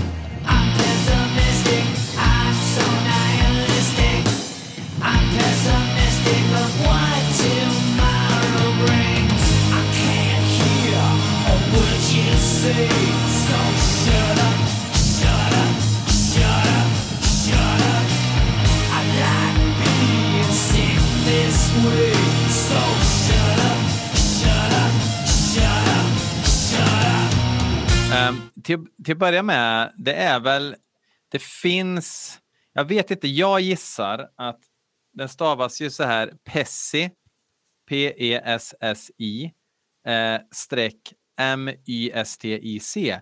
Var det den här låten som inspirerade Cliff och Driller Killer? hade, hade vi haft ett Driller Killer utan den här låten? För han gör ju så Absolut hela inte. tiden. Nej. Och vi vet ju redan att, eh, att han gillar Constrictor-skivan med Alice Cooper. Mhm. Så ehm, ja, För mig är beviskedjan glasklar. ja. Ja, det måste vara så.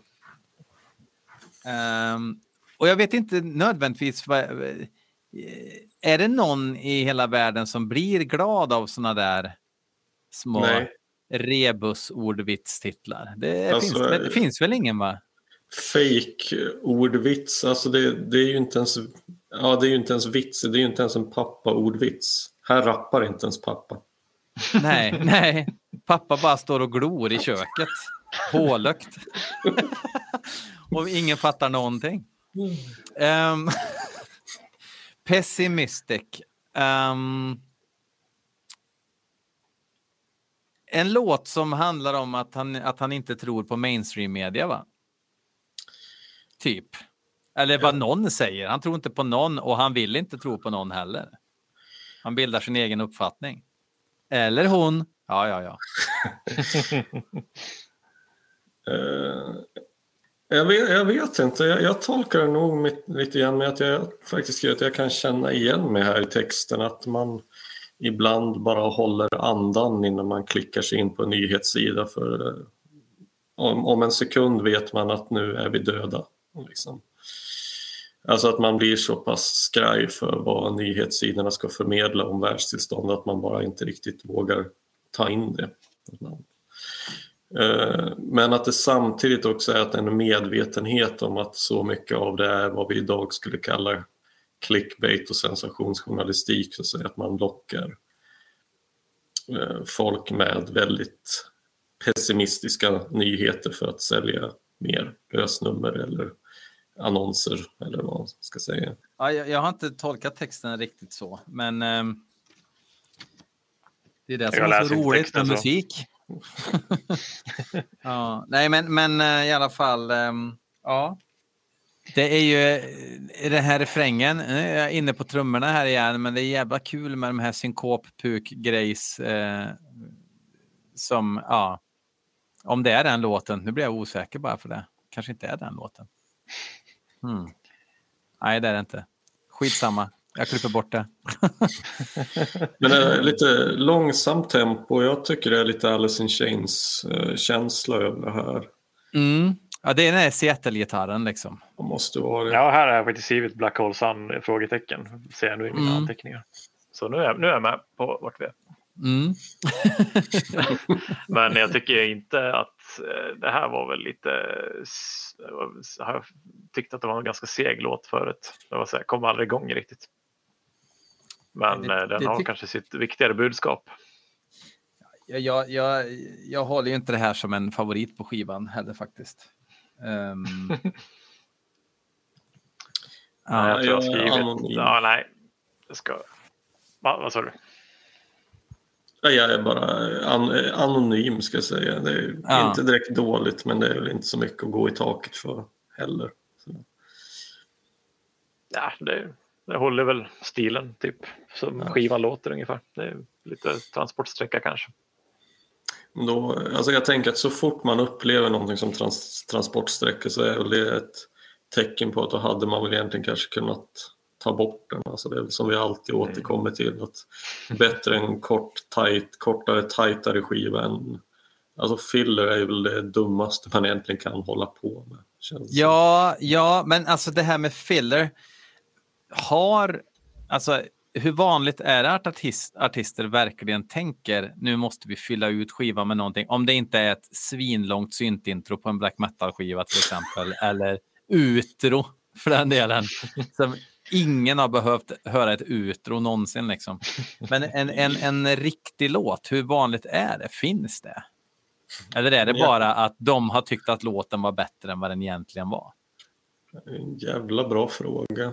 Paranoid var ju en fillerlåt, alltså bokstavligt talat. Det var bokstav, den skrev de ju för att få, och det finns många sådana låtar som har blivit hits. Ehm, Det här är ingen sån dock. nej, nej, det här är ju inte Eh, ja, men det, men det, om, man, om man tänker Planet Caravan till exempel med Black Sabbath. Mm. Den, den hade ju inte behövt bli skitbra. Nu blev den det. Mm.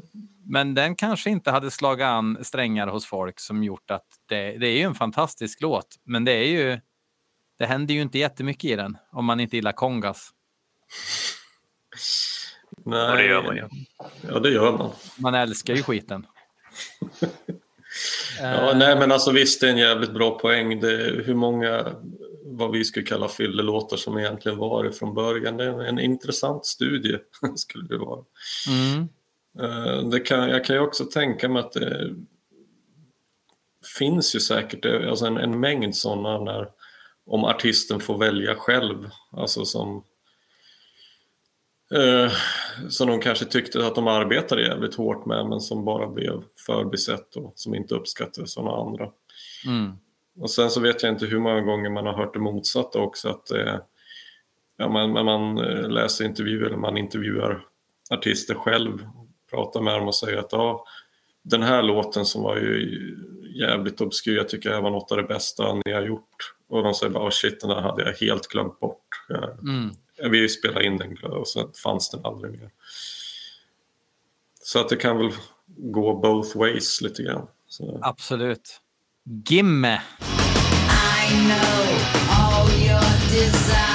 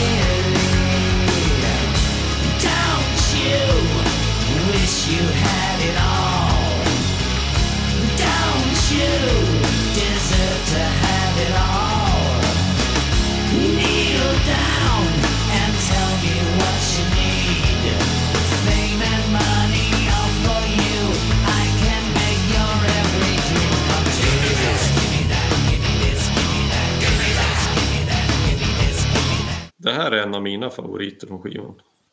Du stör dig alltså inte på när han säger gimme this, gimme that, gimme this, gimme Inte det that? minsta, det får han göra hur mycket han vill. Och det gör Ja. han. Jag tycker att det finns en tydlig övre gräns för hur, hur mycket man får hålla på med det. Eh, det kunde de ha skippat helt. Men vad fan, eh, men jo. gud vad du, nu är du grinig Björn. Ja, nu, eh, då, då att du får jag vara där. Bra. Jag tycker, tycker också det här är en, en, en bättre låt faktiskt. På Du hör skivan. Björn. Ja, men här... Men eh, jag, jag förstår vad du säger men jag hör inte.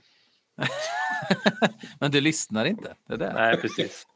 Nej, men det här, är ju, det här är ju så Rob Zombie som det blir också på skivan, skulle jag säga. Ja. Jag, hade nog precis köpt någon Rob Zombie-skiva i den här vevan också så att jag var väl inte helt, eh, vad säger man, ofärgad av det.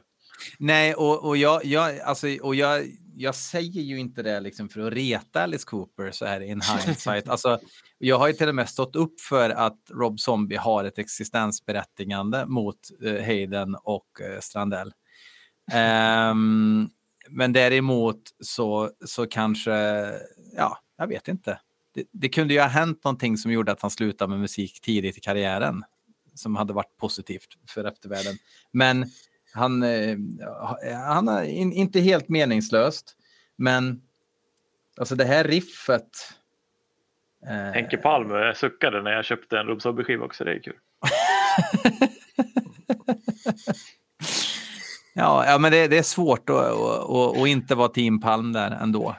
Ja, ja nej, alltså nu, eh, all cred till honom.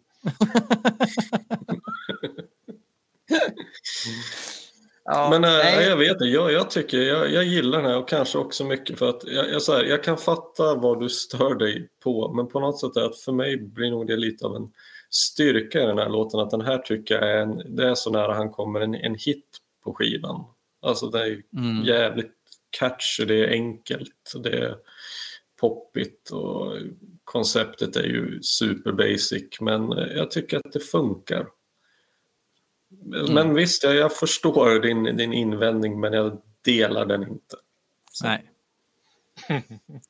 Var sån då. Um, it's the little things.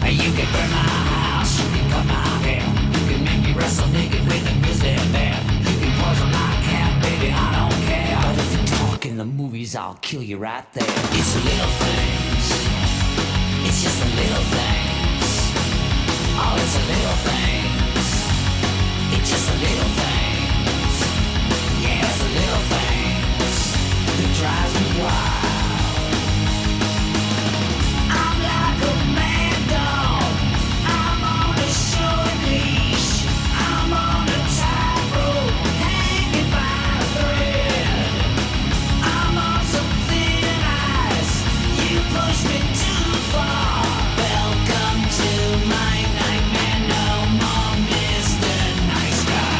Det här är väl den närmaste humoristiska låten vi kommer? Absolut. Alltså, hur ska man, alltså, hur ska man, hur ska man prata om den här låten? Ja, de gjorde en video till den i alla fall, står det här. Åh oh, fan, den har jag inte sett. Ja, den är med som bonus på den här. Det kanske bara var där man kunde se den också. Kanske.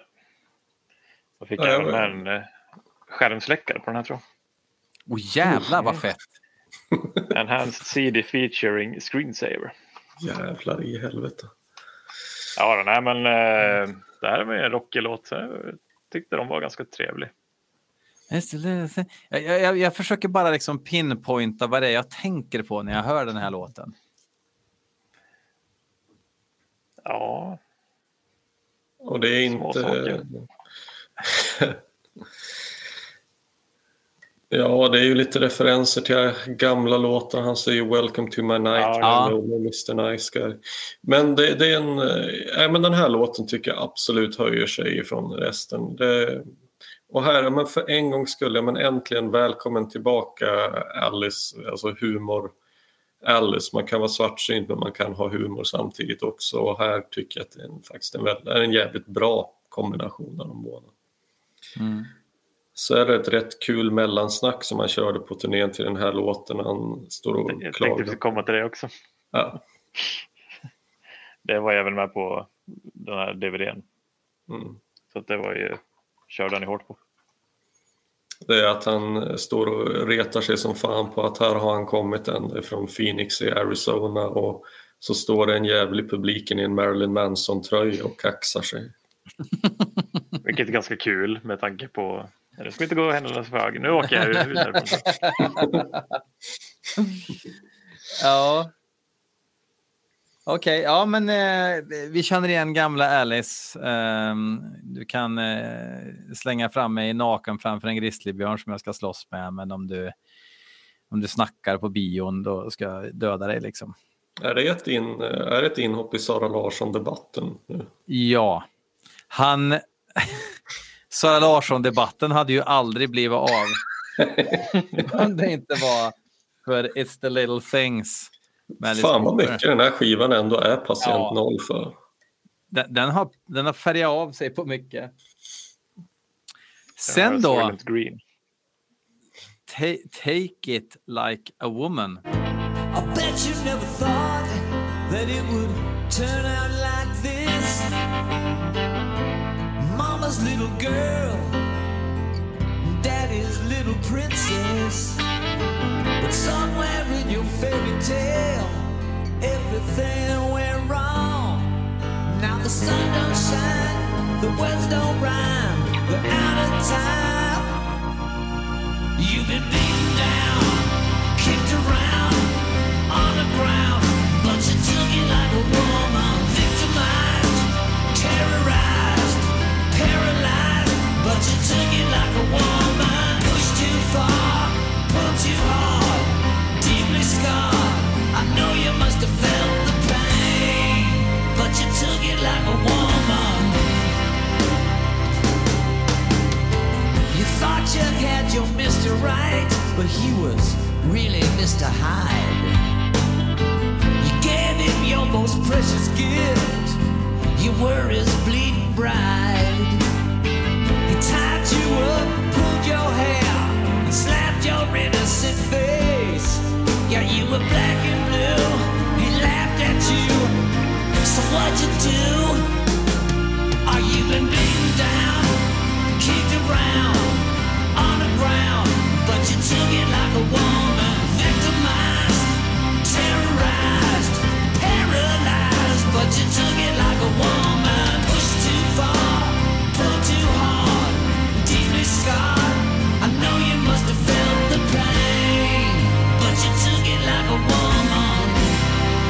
Och här, hade den här skivan kommit idag, då hade folk, varit arga på Facebook, för man får ju inte sjunga om kvinnor.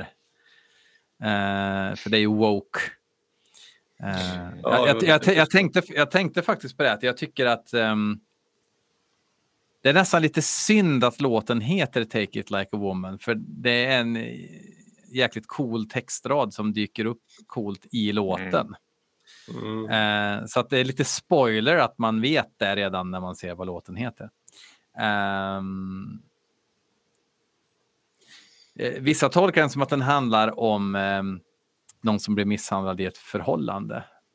Men jag ser det mer som att det är en kvinna överlag som har fått ut, utstå mycket skit i en jävligt ofördelaktig position i livet. Liksom. Det är en av få gånger som jag också bryr mig om att lyssna på vad han sjunger för att jag hinner med och hör det. Ja. Jag, jag, jag delar väl ungefär det du säger också Mm. om, om just det. Att det är någon som får ta skit liksom. Så Och det är väl eh, klarar det, antar jag. Vad säger Hayden? Nej, men det är en fortsättning på, eller man kan säga släkting till Only Women Bleed. Det är Mm. mycket samma tematik. Jag tycker det är jävligt bra låtar båda två.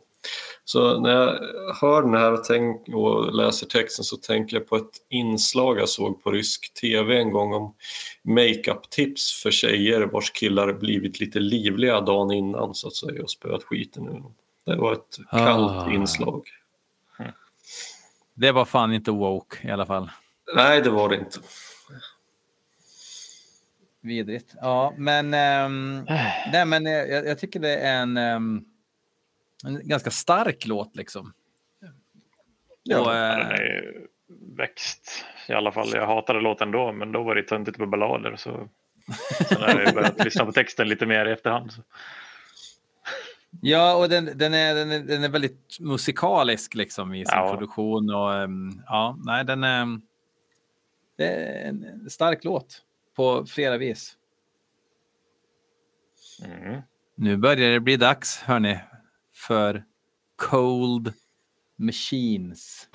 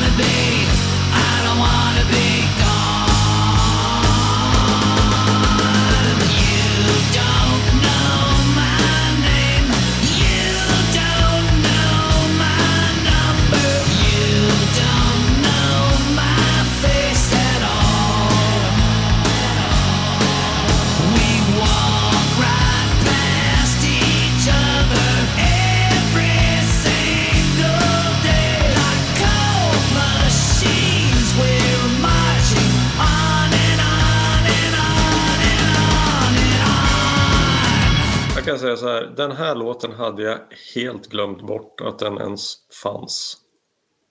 Och det var fan mig lika bra för det här är genant. Mm. Beautiful people. Ja, men det, här, det, här är, det här är nog den tydligaste rippen tror jag i Mm. Alice Coopers karriär. Det är ju egentligen bara riffet väl? Alltså hela... Ja. Det är ju det här som man har, det är ju egentligen snott ifrån Gary Glitters rock'n'roll. Tum, tum, tum, tum, tum, tum. Det är det. Ja. Ja. Och, så- alltså, men, Alltså så här, hade inte jag hört Alices röst på den här låten hade ingen kunnat övertyga mig om att det här inte var Manson. Alltså det, det är sån karbonkopia att det är nästan imponerande. Och jag, jag kan inte förstå varför den här åkte med på skivan och varför den fick avsluta. jag, jag hade tyckt att det var lite konstigt att Marilyn Manson hade en så tydlig arenarock-refräng i och för sig. Där skiljer det sig lite. Den är Fast det- väldigt, eh, den är väldigt, eh, den är lite LA den här refrängen ändå. Fast Manson, har- ja, fast Manson har ju ett gäng arena rockrefränger på Mechanical Animals. Ja, I don't like the drugs but the drugs like me. Och, Ja, eh, vad heter den? Disassociative. Och, ja, ja då. user friendly. Ja. Ja, jag vet inte, men förstår ni varför är den här låten med? Eh, nej, jag vet faktiskt inte. Det är ju också lite för tidigt att göra en nickning liksom. Till någonting.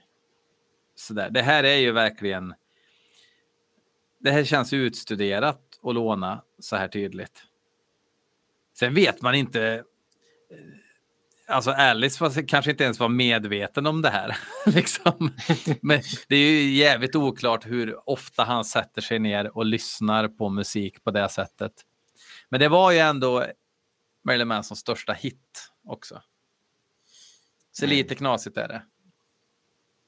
Det är en liten kul grej att även Muscle of Love avslutas ju med en, alltså Muscle of Love-skivan avslutas ju också med en rätt kass låt som heter något med Machines. Ja, just det. Woman Machine. Woman Machine. Ja. Ja men det blir väl att skivan här på samma sätt som ja, Muscle of Love, den avslutas ju lite det är ju lite antiklimaktiskt liksom. Man vill ju go out with a Mm. bang och här blir det precis tvärtom. Du går ut med Beautiful People. Och i och för sig, det var ju en hit så ja. Mm. Ja, Grejen är att Beautiful People är ju en bättre låt än Cold Machines också. Ja, det är väl det. Så det är, inte, det är inte bara rippen, låten i sig är ju inte så jävla bra heller. hade det varit bättre om den var tidigare på skivan då? Nej. Det, det, det, det, hade väl varit, det hade väl varit bättre för skivan om den nu Ja. måste vara med. Men It's the little things hade väl varit en lysande avslutning på skivan. Ja, jag tänkte det nu bara så här att ja, hade de sett den mellan Gimme och Gimme och It's a little things så kanske den hade varit en bättre låt. Mm, Eller inte, ja men passat in bättre kanske. mm. Jaha, And that's, that's all she wrote. Mm. Jag har faktiskt en bonusskiva på den här utgåvan med lite eh, jätteonödiga live-spår. Okej. Vad är det för Och live? videon då. 18, no more Mr. Nice Guy. Eh, Eh, det, Schools det, är, det är Little Things faktiskt. Wicked Young Man, Poison och My Generation. Oj. Ja, just det. My Generation körde han ju live där. Ja, han kör den på, i alla fall på den här, men jag vet inte exakta låtlistan på, i Sverige.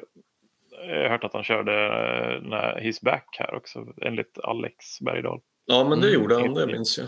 Det- Inget jag minns, men jag har kollat på den här setlist.fm, men jag vet inte hur pålitlig den si- sidan. Ja, men det, det minns jag. Jag varit helt euforisk och så drog han fram en Jason Mask medan han körde den också. Så att det var ju körsbäret på gräddtoppen. Typ. Jag är glad så här i efterhand att jag har hört den, men jag har ingen minne av att jag hörde den då. Men den, Det- den är inte med på den här skivan, den hör, hör inte hit.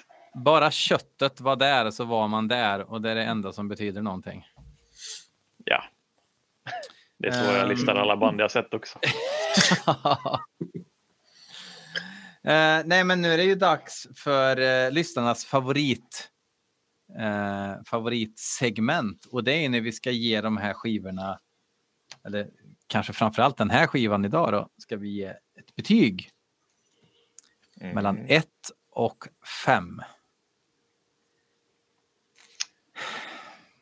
Ja. Och det har ju aldrig varit lätt. Och idag är det fan i mig inte lättare alltså.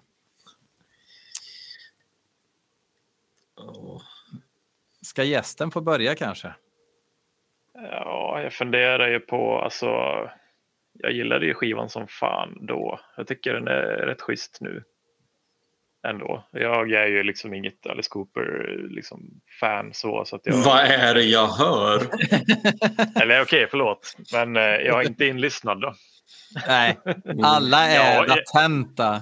De har det ja, i visst. sig jag, jag har ju ändå Schools Out och Muscle of Love på vinyl. Men mm. eh, ja, ja, de har jag inte satt så mycket på. Det har ju hänt. Men, äh, så att jag har ju liksom, vad ska jag utgå ifrån? Jag kan ju bara utgå från den här skivan känner jag. Men då gör du det? Eh, ja, och det är väl det man ska göra i och för sig. Men ah, hur var det nu? Var det bara hela eller fick man ta halvor också? Man får ta halvor. Vi har ju, det har ju blivit så ändå eftersom det inte går. det blir så ändå. ja.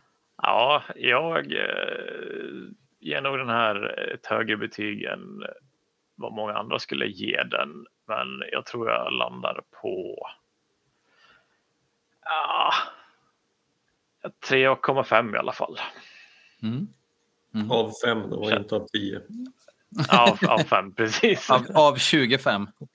Ja, um, fyra, fyra, känns för starkt, men tre känns för lite för lågt för min del. Så äh, jag sätter fan 3,5. Mm. Jag är också inne på 3,5. Och det är för att som sagt, det finns. Det finns inga, alltså till och med Cold Machines, även om den inte är okej okay etiskt sett och sådär så, ehm, så fin, alltså den, den går åtminstone att lyssna på. Eh, man stör sig, visst. Men eh, det är mycket man älskar som man stör sig på här i livet. Um, och som sagt, det här är inte, det här är inte min sorts hårdrocksmusik egentligen. Men det är ju Alice med sin, med sin röst helt enkelt och sitt melodispråk och allt det som, som, som, som gör att det här är en bra skiva. Liksom. För det är verkligen en bra skiva. Den är ganska varierad trots eh, det hörn han har målat in sig i genom att anamma den här genren. Um, men det, det, är väldigt många riff som inte ger mig någonting mer än suckar liksom. Eh, så, så att det, det, det, är liksom gitarrerna framför allt som förstör en hel del för mig. Eh, men låtarna, alltså jag, många av de här låtarna skulle kunna göras mycket bättre. Om man mm. bara byter ut lite gitarrer och sådär och alla Statoil-solglasögon. Och, och då rappar ju inte pappa längre heller. Nej. Liksom. Nej. Men 3,5. Mm. Mm.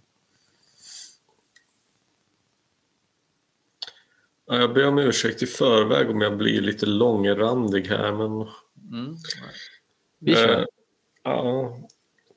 Alltså, låtarna skiljer sig från varandra, men jag tycker att skivan ändå tenderar att bli alltså, lite väl jämntjock på sina ställen. Så att ofta så, det, det är en tre, fyra låtar jag skulle välja ut till en playlist så att det känns som att det räcker så. Och så kanske hade det funkat bättre som en EP, men jag tycker också att den här skivan har en tyngd och ett självförtroende faktiskt som nästan kräver en hel fullängdare för att ta ordentlig plats och visa att ja, men här är en, en ny inkarnation av Cooper. Så att, eh, okej okay då liksom.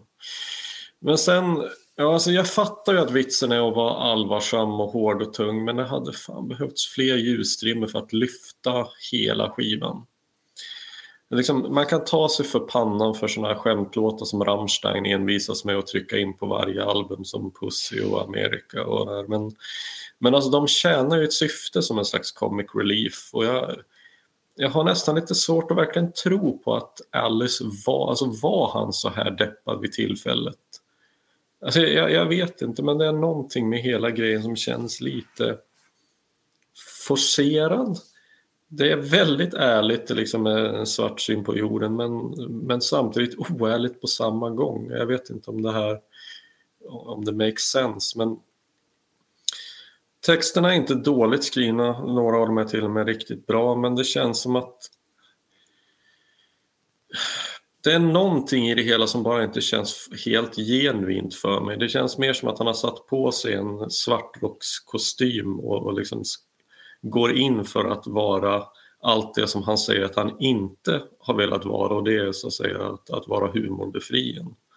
Han har ju alltid på, alltså påtalat vikten av humor i det han porträtterar men här är det så jävla becksvart. Eh, alltså till och med så pass mörkt och disturbing album som Dada har ju en del humoristiska inslag. Och det, det, finns ju knappt på den här skivan, det är ju bara den som vi pratade om, uh, Little Things då. Och jag tycker att det blir lite udda med tanke på att Brutally Live-showen hade betydligt fler humorinslag. Så ja, men sammantaget så jag har också landat på 3,5 av 5. Eller bara 3 av 5. Alltså tidigare, pendlar däremellan. Jag tyckte det har varit uppe av 4 av 5 ibland och så tycker jag att den svajar tillbaka och är sämre och åldrats lite sämre än jag trodde hade kunnat kapas med kanske en eller ett par låtar för att göras tajtare. Så att, ja men vad fan, tre av fem tror jag, det, så blir det. Så här. Mm. Mm. Det är nog första gången alla gett samma betyg tror jag. Ja. men det är ju en jävla kompetent skiva. Det är som säger, han mm. kanske har målat in sig i ett hörn men det är ju det är inget dåligt hörn att måla in sig i heller. Men man Eller hörnet är, hörnet är ju dåligt, men han gör ju det bästa av situationen skulle jag säga. Mm. Ja. Mm. Jag tänker på när Alf från serien med samma namn, även han rappar och säger I'm doing the worst of a bad situation and think of it as like a splendid vacation. När han har landat på jorden. Mm. Ja, men lite så. Nu var det nu, tyvärr då så kunde ju inte den här skivan ha inspirerat tv-serien Alf eftersom den kom 15-20 år tidigare. Mm. Uh, men det hade varit rimligt att anta det. det om, om bara uh, linjär tid hade sett annorlunda ut. Uh, tusen tack ska ni ha för att vi tillsammans kunde spendera lite tid med Brutal Planet tillsammans. Tack själv. Eh, som sagt, sett fram emot det i några månader. jag borde, varit, borde kanske varit mer förberedd, men ah, det, det, var ett tag sedan. Ska jag vara med eller inte? Fast, alltså, att du har den där t-shirten på dig är ju ändå eh, betyg VG++ alltså. Oh ja, oh ja, oh ja. Jag borde ju haft, eh, jag är ju faktiskt en patron också så jag tänkte jag skulle haft ett patronbälte på mig men jag orkade ah. Ja, det är mäktigt. Ja, Men eh, ja. tills nästa gång så säger vi då låt stå. Låt stå och tack för kaffet. Tack för kaffet.